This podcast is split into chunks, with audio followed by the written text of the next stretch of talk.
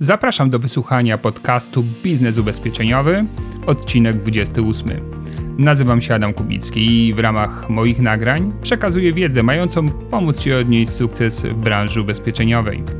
Opowiadam o tym, jak prowadzić sukcesem swój biznes, jak rozwijać swoją sprzedaż oraz zarządzać zespołem sprzedażowym.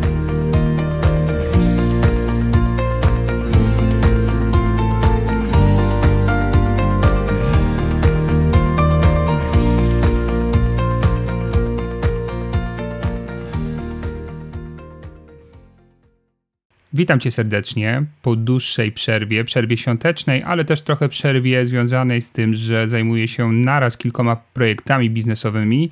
No i ostatnimi czasy znajduję coraz mniej czasu na to, aby mm, no, dbać o mojego bloga. E, jednakże obiecuję, że w tym roku z pewnością przynajmniej raz w miesiącu pojawi się jakiś porządny wpis, porządny artykuł, wywiad czy podcast, a będę starał się um, dbać o to, aby to było częściej niż raz w miesiącu. Dzisiaj zajmiemy się bardzo ważną kwestią, która wpływa, no myślę, że w dużym stopniu na to, czy jesteśmy zadowoleni z naszej pracy, i jest to finalizacja sprzedaży bo nie ma nic gorszego niż y, napracować się, nacharować, żeby znaleźć klienta i w finale stracić go tym, że na przykład no, czegoś zabrakło na spotkaniu albo zrobiliśmy coś w nieumiejętny sposób. Na początek warto sobie zadać pytanie, kto w ogóle wpływa na decyzję klienta, ponieważ jest takie błędne przekonanie, w mojej ocenie błędne, że mm, kiedy prowadzimy rozmowę z klientem i ona kończy się sprzedażą, to jest to sukces, a kiedy kończy się porażka, znaczy, a kiedy kończy się odmową klienta, to jest to porażka. E, no, ja nie widzę tego aż tak strasznie, tym bardziej, że mm, częściej klient tak naprawdę, na przykład w ubezpieczeniach na życie, decyduje się na to, aby przemyśleć jeszcze sprawę, albo ogólnie się nie decyduje, a więc y, e, traktując y, taką reakcję klienta jako porażkę, no doświadczali, doświadczalibyśmy jej tak często, że trudno chyba byłoby być wtedy zadowolonym w ogóle ze swojej pracy. Um, I dlaczego ja widzę to inaczej? Dlatego, bo z mojego doświadczenia E, wysnułem taki wniosek, że e, na ten sukces finalizacji w 50% e, mam na ten sukces wpływ ja jako doradca, agent, a 50% jest po stronie klienta, bo on też jest przecież osobą, która musi podjąć tą decyzję i ja mogę robić wszystko to, co powinienem, a może się okazać, że po prostu nie mam właściwego partnera po drugiej stronie. Dlatego warto zastanowić się, jakie czynniki wpływają na to, że klient podejmuje na przykład decyzję na tak, albo że podejmuje decyzję na nie. E, według mnie są takie trzy podstawowe czynniki. Pierwszy to jego sytuacja finansowa. I znowu powiem, jeżeli, że moje doświadczenie wskazuje, że jeżeli złapałem klienta dzisiaj w bardzo trudnej sytuacji finansowej, borykającego się z wieloma kłopotami, to on jest wyjątkowo mało skłonny do tego, żeby wydawać pieniądze na ubezpieczenia, oprócz oczywiście tych ubezpieczeń, które, które musi posiadać. E, a czasami nawet te zaniedbuje. Można powiedzieć, że takiej sytuacji, taka presja na to, żeby klient jednak zawarł tą umowę ubezpieczenia, może skończyć się tym, że klient będzie uciekał od kontaktu z nami w ogóle, albo zawrze z nami to ubezpieczenie, ale na przykład jeżeli jest to jakieś ubezpieczenie typu zapłacę później, no to pojawią się kłopoty e, z płatnością. Dlatego jeżeli sytuacja finansowa jest bardzo ciężka klienta, w momencie kiedy go zastaliśmy, to prawdopodobnie ta finalizacja nie zakończy się mm, decyzją na tak. Drugi ważny aspekt to partner klienta. To może nie dotyczy wszystkich ubezpieczeń, ale takich, gdzie jest już to solidny wydatek, a ubezpieczenie mm, nie jest standardowe i nie jest wymagane. No bo na przykład mamy, no nie wiem, kredyt w banku jest wymagane ubezpieczenie, ok, partner nie jest y, mi potrzebny do podjęcia decyzji, albo jest ubezpieczenie mm, samochodu, tak, czy mieszkania i tu też pewnie partner nie musi mm, siedzieć razem ze mną i, i, analizować ofert, ale mamy ubezpieczenia ponadstandardowe, na przykład, nie wiem, ubezpieczenie GAP w komunikacji, czy ubezpieczenie na życie, czy jakaś forma oszczędzania mm, poprzez ubezpieczenia. Tam już jest jakieś zobligowanie do wydania większej kwoty albo przez dłuższy okres czasu będziemy tą kwotę płacili, na przykład przez wiele lat. No i bardzo często, jeżeli partnera nie ma na spotkaniu, no to może to być to może to być problem w tym, aby mm, tego klienta dzisiaj sfinalizować. Jeżeli też partner będzie widział inaczej tą sytuację, to bardzo często i tak klient powie nie, chociaż sam zrobi sobie z poziomu takiego rozsądku szkodę, ale no nie będzie ryzykował pogorszenia relacji z swoim partnerem, współmałżonkiem. Miałem taką sytuację, w której e, klient ubezpieczył się bez wiedzy mm, swojej akurat żony i no, zrobiliśmy tak, że adres korespondencyjny był moim adresem i wszystkie, cała korespondencja jakby szła mm, do mnie, a ja dopiero przekazywałem ją klientowi. Dzięki temu klient uniknął sytuacji, w której jego współmałżonka dowiedziałaby się, że kupił ubezpieczenie na życie. Paradoksalnie, które tak naprawdę ma się jej, czy miało się jej przysłużyć. No i trzeci element, y, który wpływa na mm, taką decyzję klienta, na, na, naszą finalizację tej sprzedaży, no to jest to w ogóle, w jaki sposób funkcjonuje jego głowa. Y, mówiąc głowa, mam na myśli jego umysł. No i tutaj są takie trzy ważne elementy. Pierwszy to jego wartości życiowe, jeżeli na przykład y, dla klienta rodzina nie jest na pierwszym miejscu, a może tak się zdarzyć, no to możemy mieć kłopot z tym, aby przekonać go do ubezpieczenia, które właśnie ją chroni. O, więc y, warto rozpoznać te wartości klienta i tworzyć taką ofertę, która nie jest tylko zgodna z tym, jak wygląda mm, technicznie jego sytuacja, co on potrzebowałby z punktu jakby takiego technicznego punktu widzenia, ale też zwrócić uwagę na to, co jest dla niego ważne Mm, czasami to nie tylko jakby dowiemy się z tego, co on mówi, ale też jak i nasz klient mówi, bo no, politycznie mm, czy taka jest poprawność polityczna, tak się chyba tak mówi, i no, klient może powiedzieć, tak, jest to dla mnie ważne, ale gdzieś z jego mowy ciała, sposobu wypowiedzi, intonacji możemy mm, domniemywać, że może niekoniecznie, tylko byłoby, było mu głupio powiedzieć, powiedzieć inaczej. Drugi ważny element to przekonania klienta. Ojejku, i to jest to, z czym się w branży ubezpieczeniowej zdecydowanie borykamy. Klient, który na przykład twierdzi, że ma dobre geny, albo klient, któremu się nigdy jakaś kolizja na drodze nie stała i ogólnie jeździ mało. E, klient, który um, dba o swoje mieszkanie i ma zabezpieczenia, więc y, nikt mu się nie włamie i tak dalej, i tak dalej. Czyli jeżeli klient ma przekonania, które są no nie sprzyjają nam, tak? Są przeciwne do idei ubezpieczeń. Um, I to są takie przekonania prawdziwe, bo często to jest wymówka. Po prostu klient tak mówi, żeby, żeby się pozbyć tej decyzji na tak i płacenia. Ale jeżeli faktycznie klient wierzy w te takie swoje bajki, no to będzie ci bardzo, bardzo trudno zmienić, bo te przekonania budują się latami i może jedno spotkanie nawet z dobrym psychologiem nie wystarczyć, a co dopiero z doradcą od ubezpieczeń. No, podsumowując, jak ja widzę, że przekonania klienta są wbrew y, temu, czym się zajmuję, wbrew mojej propozycji, to szczerze mówiąc, y, po prostu pakuję walizkę i wychodzę. No i trzeci element to myślenie perspektywiczne. Jest, mamy takich klientów, którzy są tylko w dzisiaj i mamy takich klientów, którzy umieją przewidywać. Jeżeli y, dotarłeś do klienta z tej pierwszej kategorii, no i tam jest sytuacja, że on widzi tylko dzisiaj i bardzo ciężko skoncentrować mu się na tym, co by było gdyby, w ogóle to jakby go nie rusza, a naprawdę uwierz mi, że są takie osoby, które żyją z dnia na dzień i nie martwią się przyszłością, no to też będzie ciężko um, doradzić skutecznie i spowodować, że klient wyda na ubezpieczenie pieniądze. Także trzy elementy: sytuacja finansowa, partner głowa, to jest coś, co po stronie klienta wpływa na naszą skuteczność sprzedażową. No dobrze, a co w takim razie jest po stronie doradcy? Po stronie doradcy zacznijmy od tego, że um, zawodowa pewność siebie w niesamowicie istotny sposób wpływa na to, czy klient się nas będzie słuchał i czy podejmie decyzję na tak, czy, czy będzie uciekał od tej decyzji.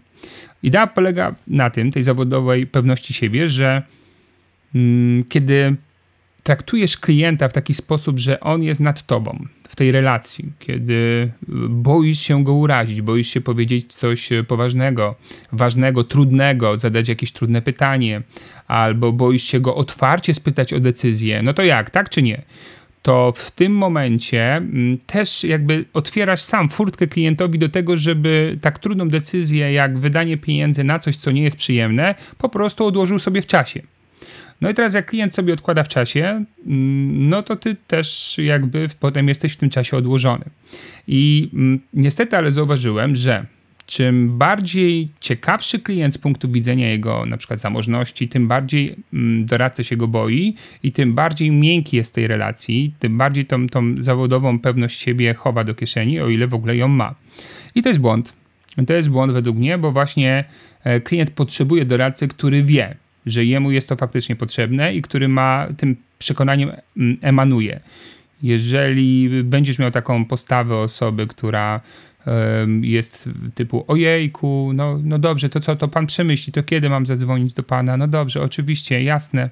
No to automatycznie też nie, nie, nie dasz klientowi takiego kopa do tej decyzji, no bo ludzie potrzebują tego kopa do tej decyzji, no to jest w końcu ubezpieczenie, nic fajnego, tylko rozsądne.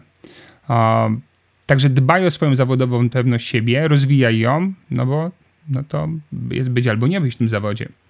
Drugi ważny składnik to poczucie odpowiedzialności za klienta. No i to wiąże się z tym, jak widzisz w ogóle swoją rolę biznesową. Mm.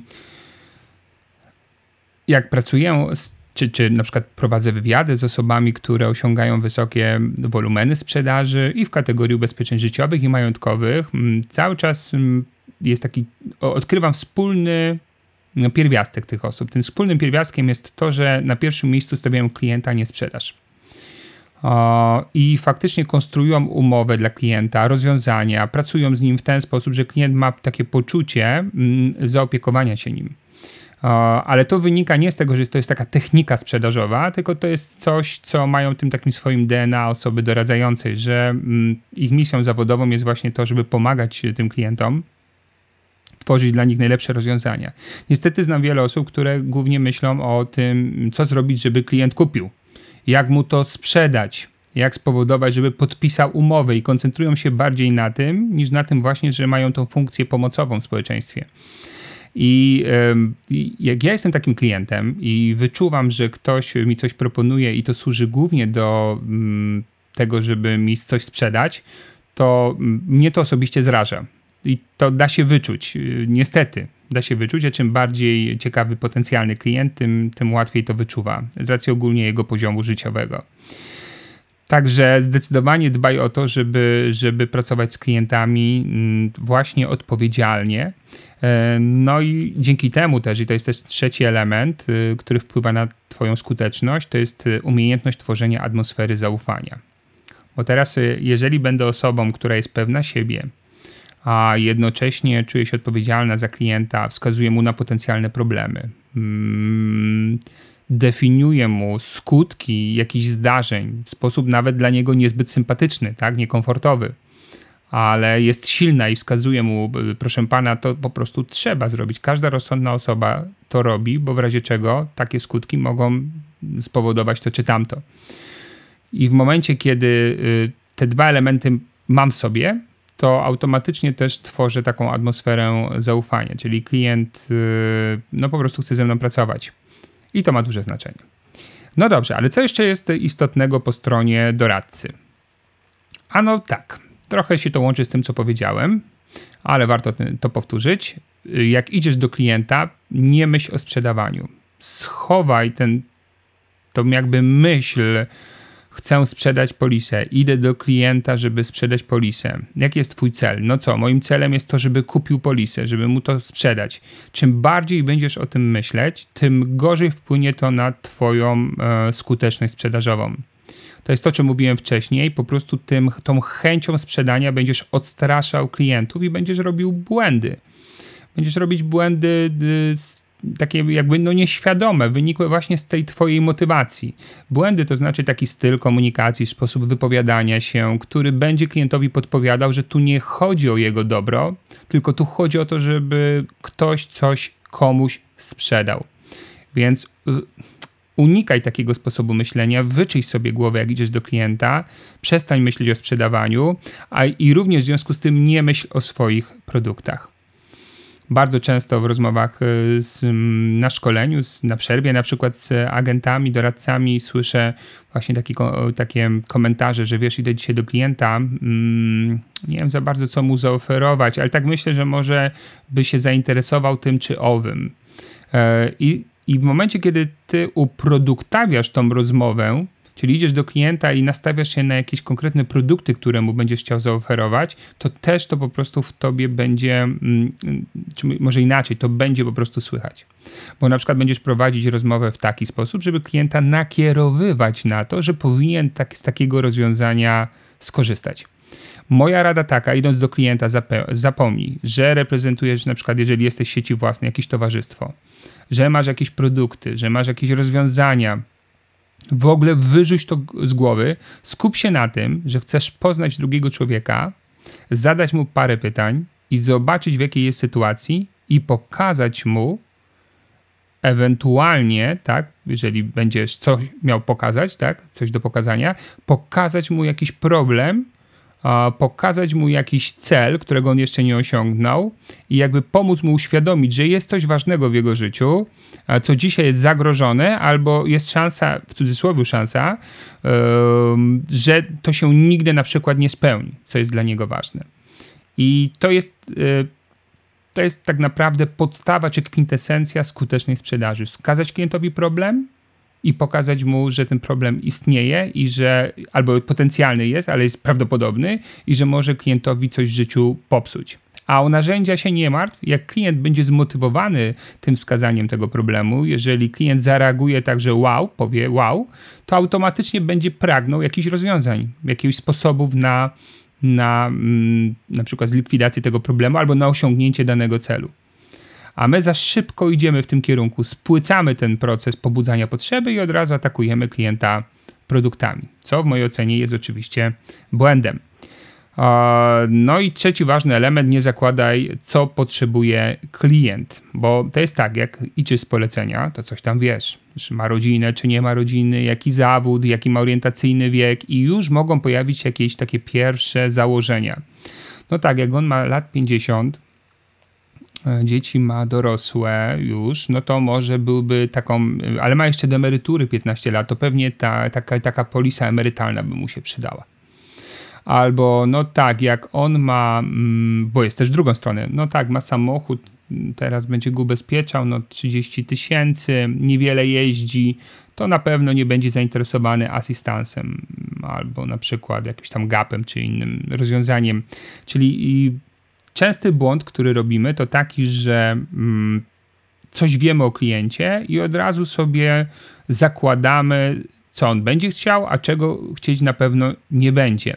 A to często w wyniku tego, że robimy taką mm, podświadomie technikę lustra, czyli odbijamy sobie y, w lustrze nasze, mm, nasz sposób myślenia na y, sytuację klienta. Czyli gdybym ja był na jego miejscu, to ja bym na przykład tego nie wziął.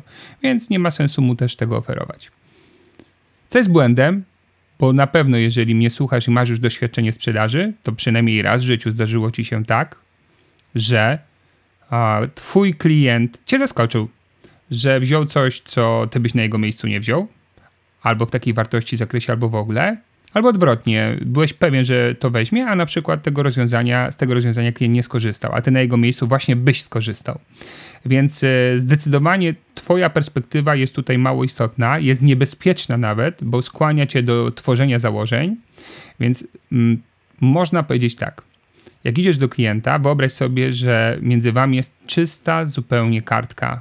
Nie ma na niej nic napisanego, chociaż teoretycznie mógłbyś ją już dzisiaj zapisać, jakimiś informacjami. Nie, ona jest czysta i dopiero w trakcie rozmowy z klientem ta kartka się zapełnia. Dopiero się dowiadujesz, odbierasz sygnały, mowę ciała, to co mówi klient, zadajesz pytania i wtedy albo może się okazać, że się potwierdza to, co wcześniej wiedziałeś o kliencie, jest super, ale może będziesz zaskoczony, bo to, co mówi klient, jest zupełnie odmienne od tego, e, co byś na przykład na wejściu założył.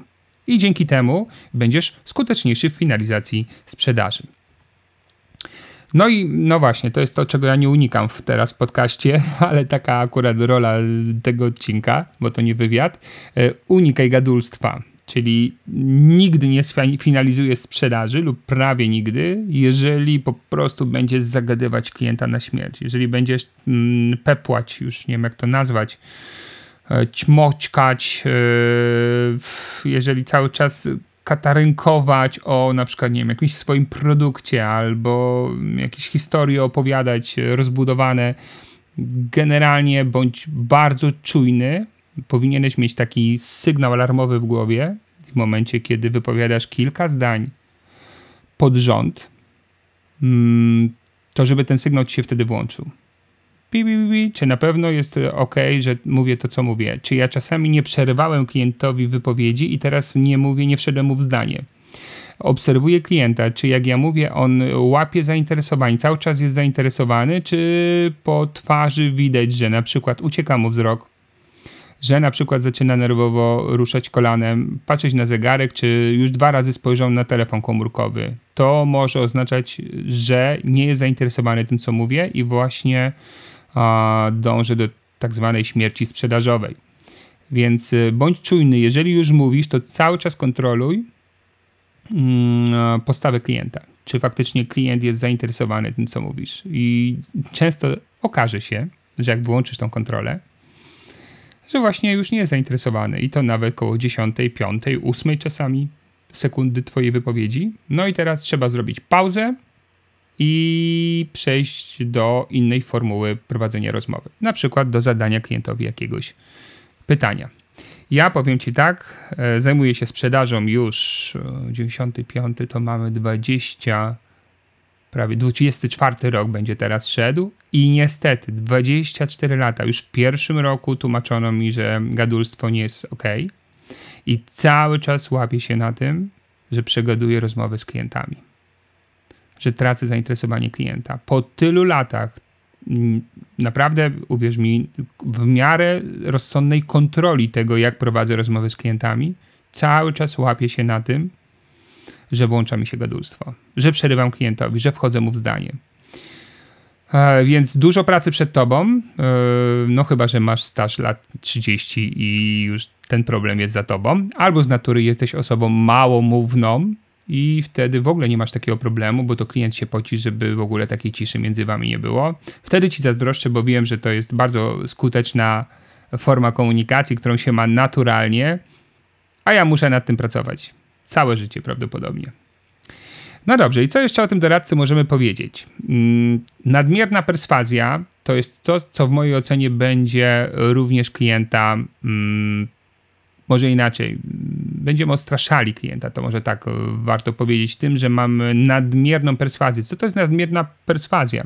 To jest coś takiego, że nie odczytuje po stronie klienta sygnałów i dalej, dalej pcham swoje i dalej nie odczytuję sygnałów i dalej pcham swoje. No dobrze, klient już naprawdę mówi, że nie, bo coś, a ja tam mam dalej swoją jakąś bajkę i przekroczyłem taką czerwoną, cienką linię i straciłem no nie tylko sprzedaż, ale i tą relację pozytywną, którą zbudowałem wcześniej z klientem. Klient po prostu przestał mnie lubić. Klient się no, czasami wystraszył, e, czasami zniechęcił e, i jak on sobie raz w głowie zakoduje, że jestem męczący i upierdliwy, to uwierz mi, że będzie bardzo trudno ci to potem odzyskać, tą, tą, tą jakby tą atmosferę wcześniejszą. Może trzeba będzie odczekać rok, dwa, wrócić do klienta, zakładając, że ty się wtedy zmienisz i już nie będziesz taką osobą ale wielu doradców nadmiernie używa perswazji, jakichś technik, e, czy ogólnie jakiegoś właśnie gadulstwa w próbie już takiej przegranej od jakiegoś czasu przekonania klienta, ale właśnie oni tej, tej przegranej nie odczytują i lecą dalej.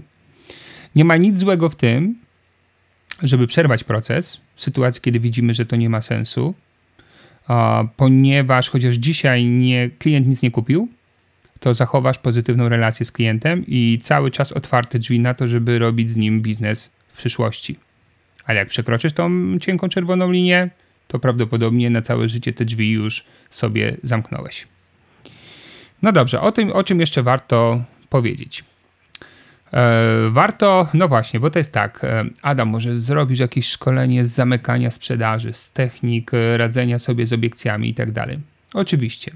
Te wszystkie elementy mają jakiś wpływ na naszą skuteczność, ale pamiętaj, decyzja klienta o zakupie wynika z pobudzenia jego potrzeby, a nie z technik zamykania sprzedaży. To znaczy, to klient musi najpierw poczuć potrzebę posiadania jakiegoś rozwiązania, a właściwie jeszcze wcześniej musi poczuć jakiś problem w życiu, poczuć jakieś zagrożenie, albo poczuć pragnienie osiągnięcia jakiegoś celu, jeżeli na przykład mówimy tak o nie wiem, formule oszczędzania w ubezpieczeniach, a dopiero potem możemy zamykać ten cały proces. I teraz co to oznacza? To oznacza, że najważniejszym elementem, który wpływa na Twoją skuteczność sprzedażową jest APK, czyli analiza potrzeb klienta, a właściwie jak ją robisz. No i pierwszym podstawowym błędem jest to, że mm, większość osób sobie myśli tak, że jak sobie zbierze od klienta dane i przedstawi mu rozwiązanie oparte na tych liczbach, które sobie powyliczali z klientami, no to już wystarczy do tego, żeby klient podjął decyzję, kupił ubezpieczenie i jeszcze płacił składki. A prawda jest taka, że bardzo często to nie wystarczy, ponieważ liczby są ok, tak? bo udowadniają nam, że mm, mamy jakąś potrzebę od tej takiej strony logiki czy rozsądku, ale liczby rzadko kiedy pobudzają emocje. A klient, żeby wydać pieniądze, musi przejść te dwie bramki. Musi też zrozumieć, że potrzebuje, ale też i poczuć, że potrzebuje. I moja dobra rada jest taka: oprócz zbierania danych od klienta, powinieneś pobudzić jego emocje i możesz to zrobić, możesz to zrobić na mm, trzy sposoby. Tak ogólnie rzecz biorąc. Pierwszy to, mm, aha, to, że pierwszy to nie oznacza, że najważniejszy. Po prostu pierwszy, o którym teraz mówię, to pokazać mu jakiś przykład. Przykład historyczny, czyli taki przykład, który, no na przykład, nie wiem, no jest z twojego środowiska, albo nie wiem, jakiś medialny przykład, że je, był ktoś w podobnej sytuacji jak klient, coś się wydarzyło, pojawił się problem. No i teraz tak, albo A miał rozwiązanie i super, bo ono mu wtedy pomogło, albo B nie miał rozwiązania, no i ten problem doprowadził go do ciężkiej e, sytuacji, do jakichś dużych problemów, tam skutków właściwie, tak można powiedzieć, niefajnych. Um, jeżeli nie masz takich przykładów, to wtedy drugą metodą są historie. Znaczy historie, czyli wymyślone historie. Czyli na przykład zaczynam tak, proszę pana, no dobrze, proszę sobie wyobrazić taką sytuację. Załóżmy, że na przykład jest pan na wakacjach, a może inaczej. Wybiera się pan na wakacje, jedzie pan na te wakacje, no i na przykład na autostradzie pojawia się taki problem jak awaria samochodu. No i teraz z tej sytuacji awaria jest poważna i trzeba zorganizować holowanie samochodu, jakiś nocleg dla państwa, być może samochód zastępczy, żebyście mogli też dojechać na miejsce. Co byłoby dla Pana wtedy bardziej korzystniejsze? Yy, no, pokrywać koszty tego z własnej kieszeni i też organizować na, na jakby no, stresując się tak w takiej sytuacji, czy na przykład mieć taką ochronę, takie ubezpieczenie, którym pan, Panu towarzystwo gwarantuje, tak, że załatwi to za Pana.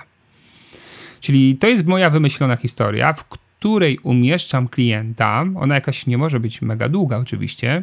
E, w tej historii coś się dzieje, no i potem mamy puentę, tak? Czyli w tej historii albo klient ma takie rozwiązanie i na przykład jest tak czy śmak, albo nie ma takiego rozwiązania, no i wtedy też te skutki są w drugą stronę niefajne. Czyli proszę sobie wyobrazić, że ma pan poważną, pojawiła się poważna choroba w pana życiu i w szpitalu powiedziano, że niestety, ale ten rodzaj problemu zdrowotnego, na przykład nowotworu, jest y, nieoperacyjny w Polsce i oczywiście dowiedział się pan z internetu czy od znajomych, że. Hmm, no można y, przeprowadzić operację na przykład w Niemczech, no ale ona kosztuje 100 tysięcy euro, pan takich pieniędzy nie ma. Co pan by zrobił w takiej sytuacji? Albo jakby pan się czuł, gdyby się okazało, że pana życie zależy tylko i wyłącznie od pieniędzy, które pan nie ma? Albo jakby pan się czuł, gdyby na przykład wtedy, mm, mając takie ubezpieczenie, które chroni pana w takiej sytuacji, a może inaczej wspiera finansowo, mm, tak, dostałby pan z tego ubezpieczenia odszkodowanie i mógłby pan o, dzięki temu pojechać i się wyleczyć. No i znowu, czyli historię, to jest jeszcze raz powiem, tak, wymyślony przykład, umieszczamy tam klienta, jest jakieś zdarzenie, jest puenta, pytamy klienta o jego reakcję. No i to jest taka bardziej rozbudowana metoda, przykłady historie, a prostsza metoda to po prostu technika zadawania pytań. Tylko oczywiście to też pytania muszą być, które mm, pobudzają klienta wyobraźnię, no bo mówimy o ubezpieczeniu, czyli o jakimś zdarzeniu hipotetycznym, które może się w przyszłości klientowi zadziać. No i ta wyobraźnia jest szansa, że pobudzi klienta emocje. Czyli na przykład możemy stosować takie pytania warunkowe, gdyby się okazało, że taka sytuacja, to jakby pan się z tym czuł, albo co by pan wtedy zrobił, albo co by pan wolał w takiej sytuacji, mieć to czy tamto. E, czyli gdyby, jeżeli, jeśli, to jest taka, taka podstawowa formuła pytań, które możemy zadać wtedy, tak? Gdyby, jeżeli, jeśli, teraz jakieś zdarzenie, to co by pan wolał, co by pan wtedy zrobił, jakie problemy mogłyby z tego wyniknąć. Klient opowiada, ale opowiadając jednocześnie sobie mm, takie zdarzenie wyobraża, a nam właśnie o to chodzi. No i jak widzisz, tutaj niekoniecznie muszą być cyfry na tym etapie, tu bardziej chodzi o wyobraźnię, a potem możemy przejść do liczb, cyfr i coś tam już sobie z klientem wyliczać. Ok, i jeszcze trzeci element e, a propos takiego mm, technicznego aspektu analizy potrzeb klienta. Zbadaj próg mentalny klienta. Mm, to jest taka moja, moja teoria, chociaż no nie teoria, bo praktyka. E, czyli moje doświadczenie wskazuje, że moi klienci mają taki próg. Próg mentalny, nie próg e, taki matematyczny na ile matematycznie stać klienta, tak, jeśli chodzi o zakup danego ubezpieczenia, ale jest taki próg mentalny, taka kwota, powyżej której klient po prostu na daną rzecz pieniędzy tak dużych nie wyda. Ja myślę, że to nie, nie, dotyczy tylko, nie dotyczy tylko ubezpieczeń, ale dotyczy w ogóle wielu rzeczy, na przykład wakacji. Zadaj sobie, jaki masz próg, ile mm, maksymalnie mógłbyś wydać na mm, dwutygodniowe wakacje ze sobą, ze swoją rodziną, tak, czy partnerem, jeżeli masz, nie masz dzieci, na przykład w tym roku. Ile maksymalnie? No i teraz, jeżeli mówisz nie wiem, no to ja mogę zadawać ci pytania 5 tysięcy. Jeżeli powiesz więcej, powiem 10 tysięcy. Jeżeli powiesz więcej, powiem 15. A jeżeli powiesz nie no, więcej, to powiem a 50. No i powiesz pewnie, pewnie wtedy, no nie, 50 to nie. No i jak zaczniemy od 50 lecieć w dół, pojawi się taki próg, powyżej którego twój umysł nie akceptuje już takiego kosztu. Tak samo z samochodem, tak samo, nie wiem, z laptopem, komórką mm, i tak dalej, i tak dalej. I ubezpieczenia również mają taki swój próg. E, co to oznacza? To oznacza, że mimo, że staramy się dopasować e, ofertę do mm, potrzeb klienta, które badamy w ramach analizy tych, tychże potrzeb, warto mimo wszystko zadać między innymi to pytanie klientowi. Ile może pan maksymalnie wydać na, no i tutaj ta potrzeba, o której rozmawiamy. Czyli na przykład, proszę pana, zanim przygotuję panu rozwiązanie, chciałem spytać, ile może pan e, dziś maksymalnie wydać na przykład bezpieczeństwo pana rodziny w sytuacji, gdy pana zabrakło? Albo ile maksymalnie może pan wydać e, na taką ochronę, która w przypadku poważnej choroby daje panu wsparcie finansowe? Albo ile maksymalnie może pan przeznaczyć na mm, ubezpieczenie, y, na którym, czy polisę posagową, na przykład na której będzie budował się kapitał dla pana dziecka? No i gwarantuję ci, że większość klientów odpowie na to pytanie, ale jeżeli zdarzy się taka sytuacja, że klient powie, no nie wiem, a ile trzeba by było, to możesz zastosować metodę, którą już Ci przedstawiłem. No, wie Pan, klienci oszczędzają różne kwoty. Nie wiem, na przykład 10 tysięcy miesięcznie. No nie, niech Pan nie żartuje, aż tyle to nie. Okej, okay. a 5 tysięcy? Nie, no to ile maksymalnie? I zobaczysz, że dzięki temu, że przeskoczysz o kilka mm, progów, nawet można powiedzieć, kilka limitów do góry, e, czyli zwielokrotnisz ten jego mm, próg mentalny, którego on jeszcze nie jest świadom, to bardzo szybko klient e, doprowadzi do sytuacji, kiedy ten próg mentalny sobie zdefiniuje. E, to jest jeszcze o tyle istotne, że jeżeli jesteś dobry w sprzedaży, umiesz nacisnąć klienta, i wyciągniesz jakby, no mówiąc brzydko, od klienta taką deklarację większej kwoty niż ten próg mentalny, to możesz mieć potem kłopot z finalizacją tego, z, z tym, żeby klient wpłacił te pieniądze. Albo żeby kiedy zapłacił pierwszą składkę, jeżeli to jest jakaś forma ratalna, żeby po prostu płacił kolejne. E, no dobrze, i teraz e, ostatni jakby element e, w ramach APK. Mm, gdzieś tam się taki, taki pojawia, taka pojawia myśl, że jak klient mówi, mm, że jeszcze potrzebuje, jest konkretna potrzeba, wszystko jest super, ale jeszcze potrzebuje się zastanowić, no to może wypełnimy z nim wniosek. No to akurat tutaj dotyczy ubezpieczeń na życie. Wypełnimy z nim wniosek i jak już wypełniony wniosek, to on go bardziej zobliguje do tego, no to jest taka, taka między nami umowa i, i będzie super. Więc moje doświadczenie i nie tylko moje wskazuje, że nic z tego. Wypełniasz wniosek, a jak klient nie poczuł potrzeby albo wystraszył się kwotą, i tak tego wniosku nigdy nie opłaci. Co to oznacza? Moja rada jest taka: nie wypełniaj wniosku bez jasnej decyzji klienta. Jeżeli klient podejmuje jasną decyzję, chcę chronić swoich bliskich, chcę oszczędzać, chcę, nie wiem, e, kupić dodatkowe ubezpieczenie do mieszkania, pojazdu i tak dalej, dopiero wtedy procesujemy, e, procesujemy temat. E, I, I nie liczymy na to, że wypełnienie jakichś dokumentów zobliguje klienta do tego, że będzie płacił na taką polisę, zakładając, że jego potrzeba nie została dostatecznie pobudzona. E, no dobrze, i teraz e, wracając, a może inaczej. No tak, trochę wracając, bo o tym już mówiłem, że jednak jakieś techniki zamykania mm, istnieją tej sprzedaży. I może tak, tak jak już wcześniej wspomniałem, to nie one powodują, że klient kupuje, ale zakładając, że rozmowa została poprowadzona we właściwy sposób i klient potrzebę poczuł, ale potem ma trochę blokad z poziomu no właśnie podjęcia tej decyzji, no to możemy wtedy jednak jakieś techniki zastosować. No i pierwszą metodę, którą Ci zaproponuję, czy technikę, to jest metoda pytań alternatywnych. Polega na tym, że zadajemy pytanie, w którym zaszywamy no, dwa elementy rzeczywistości klienta, takiej potencjalnej rzeczywistości w przyszłości. Jeden niefajny, drugi fajny i pytamy na przykład, co by wolał, albo co byłoby korzystniejsze, co byłoby większym problemem w takiej sytuacji, czy wolałby takie, czy takie rozwiązanie.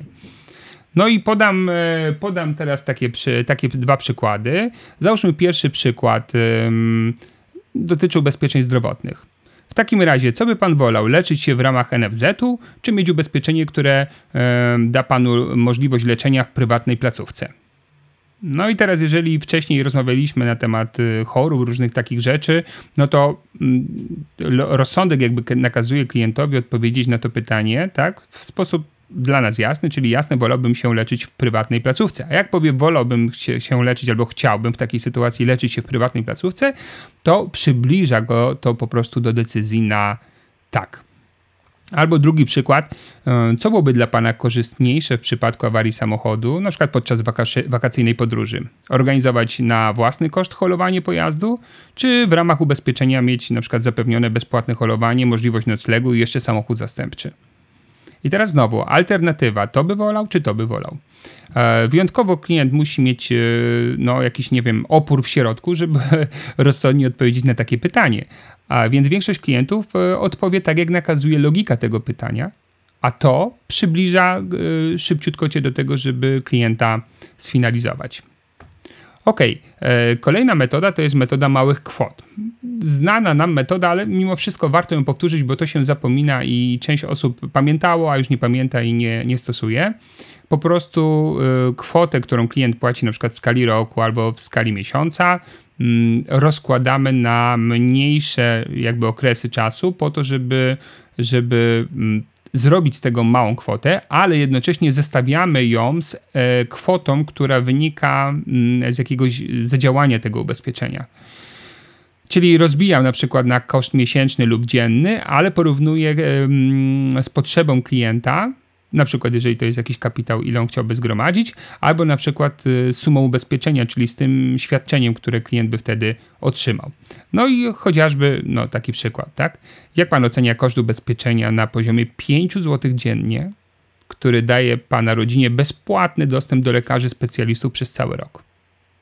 I teraz e, chodzi o to, żeby zestawić 5 złotych z tym, że masz przez cały rok e, dostęp do lekarzy specjalistów i to jeszcze bezpłatny. Tu nie ma jakby po tej drugiej stronie kwoty, no bo trudno oszacować, ile razy korzystałby nasz klient, jego rodzina z lekarzy specjalistów, no ale ogólnie samo sformułowanie przez cały rok bezpłatny dostęp lekarz specjalista to jest coś, co waży zdecydowanie w naszej głowie dużo więcej niż 5 zł. Ale drugi bardziej liczbowy przykład, tak? Panie Marcinie, taka opcja kosztuje Pana 3 zł dziennie, a w przypadku poważnej choroby zapewnia Panu 100 tysięcy złotych wsparcia.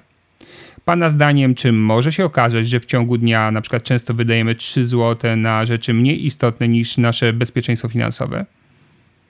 Czyli tak, w pierwszym jakby zdaniu y, porównuję 3 zł do 100, do 100 tysięcy, tak? No nie wiem, załóżmy, że to jest jakaś opcja mm, dotycząca poważnej choroby, do jakiejś umowy podstawowej ubezpieczenia na życie, tak? No 3 zł razy 365 dni to daje ponad 1000 zł, czyli to wcale nie jest, nie jest mała składka. Mm, no i zakładam, że przy pewnym wariancie mm, wiekowym klienta, zdrowotnym, no i może jakieś tam towarzystwo, tak, no to że w tych tysiącu byśmy się zmieścili z tego typu opcją. No i teraz zestawiam to, tak? E, zakładając taka opcja, że kosztuje 3 zł dziennie, a w przypadku poważnej choroby zapewnia panu 100 tysięcy, tak? To czy pana zdaniem tak jest ok, żeby za taką kwotę mieć e, takie świadczenie? Oczywiście klient płaci rocznie, półrocznie czy tam miesięcznie, ale chodzi o to, żeby u klienta jakby rozbroić to poczucie, że wydaje, że wydaje sporą kwotę. E, no dobrze, kolejna metoda to metoda pytania o cenę. E, I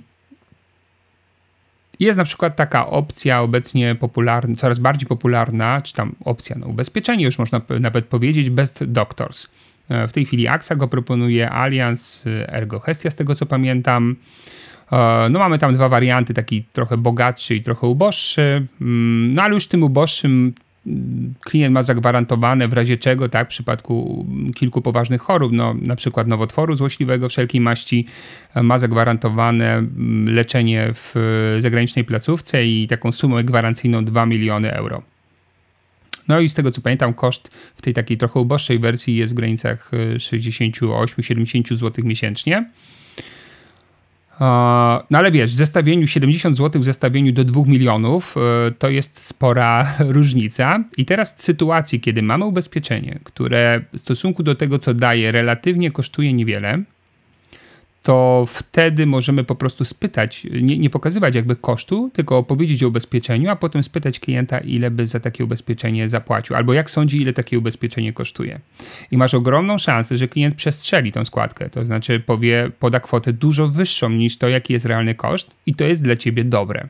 Bo wtedy, kiedy klient powie, no nie wiem, pewnie jest 300 zł miesięcznie, a ty powiesz, no nie, nie tylko 68, to w głowie klienta, tak, pojawi się ten efekt, uff, o rany, jakie to są niewielkie pieniądze.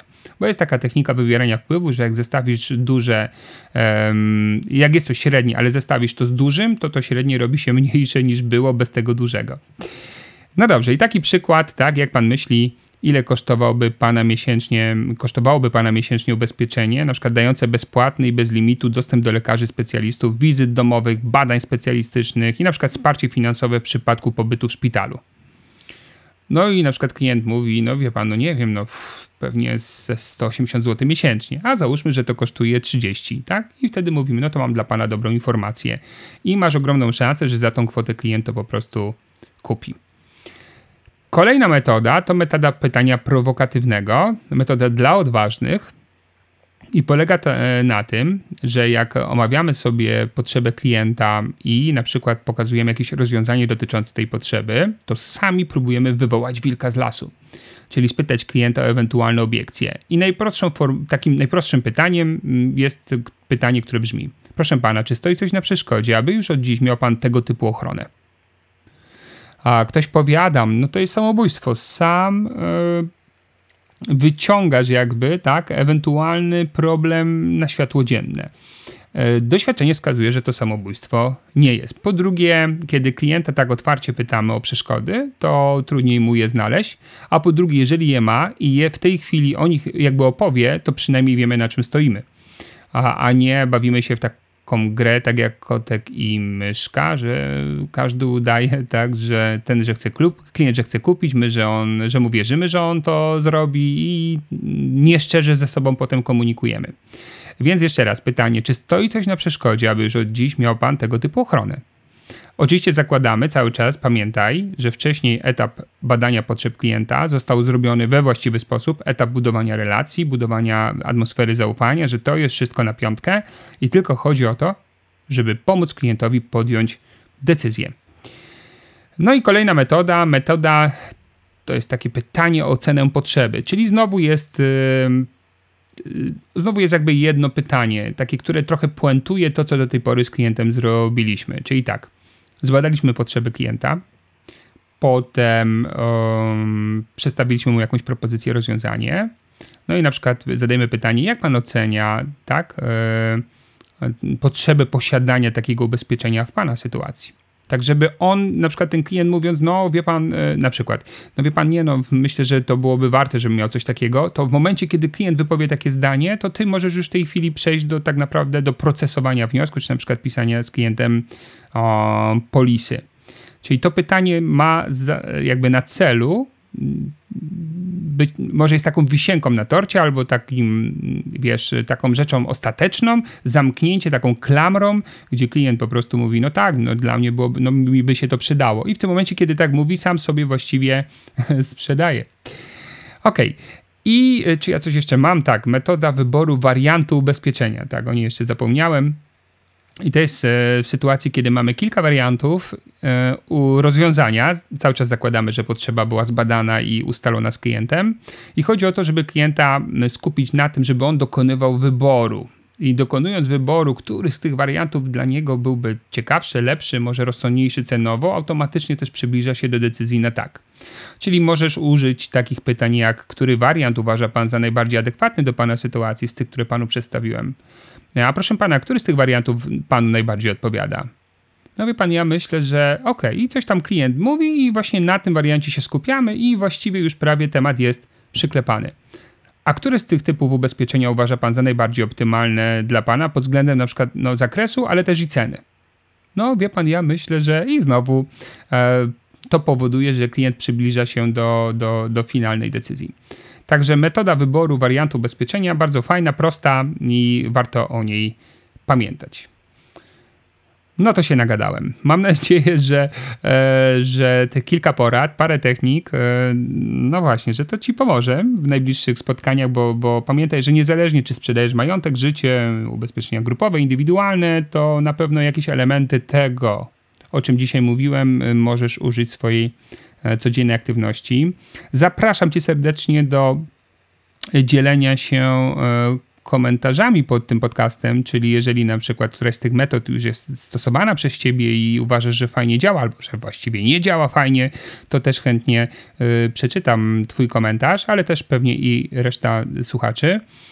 E, no i na koniec jeszcze fajna, dobra informacja. Otóż w styczniu e, uruchamiam nowy kurs, nad którym pracowałem, no Boże, cały ostatni rok, ale nie dlatego, że on jest aż tak wielki e, z punktu widzenia zawartości, tylko dlatego, że no, inne rzeczy mnie ciągle odciągały, ale udało się. Dopinam już ostatnie, ostatnie elementy tego kursu. Jest to kurs związany z tym, o czym mówicie mi najczęściej, że jest waszym problemem, a dokładnie z metodami poszukiwania klienta. Czyli jak stać się mistrzem w poszukiwaniu klienta, tak pięknie nazwałem sobie ten kurs i będę dzielił się w nim z Tobą wiedzą dotyczącą właśnie tego, jak docierać do klientów, jakie są metody, jakie metody w ogóle jeszcze działają obecnie na rynku. Też będziesz miał bardzo dużo wzorów różnego rodzaju sposobów komunikacji z klientem, ale co ciekawe, nagrałem też przykładowe scenki, w których ja pokazuję, jak dane metody używam w praktyce. No więcej szczegółów już niedługo. A, a na dzisiaj to wszystko. Bardzo dziękuję, że, że chciałeś być ze mną, że trochę chyba nam zajęło to wszystko, nawet nie sprawdzałem, ale myślę, że z 30-40 minut rozmawialiśmy, więc dzięki, że, że do końca tak jesteś ze mną. Jeszcze raz proszę serdecznie o komentarze, lajki, o dzielenie się tym podcastem, jeżeli stwierdzisz, że jest tego wart. A na razie oczywiście wszystkiego dobrego życzę Ci na nowy rok, wielu sukcesów, żeby to był rok dla Ciebie przełomowy, żebyś pokona, pokonał swoje największe opory, które obecnie masz, e, swoje największe w cudzysłowie demony wewnętrzne, czy to jest lenistwo, czy to jest nie wiem, niechęć do nauki, żebyś to po prostu zdusił sobie i żeby w tym roku e, pokazać sobie, światu i innym, że stać się na dużo, dużo więcej niż to, jak do tej pory to wyglądało. Także tego Ci serdecznie życzę. Jeszcze raz dziękuję za to, że byłeś ze mną. Wszystkiego dobrego i do usłyszenia.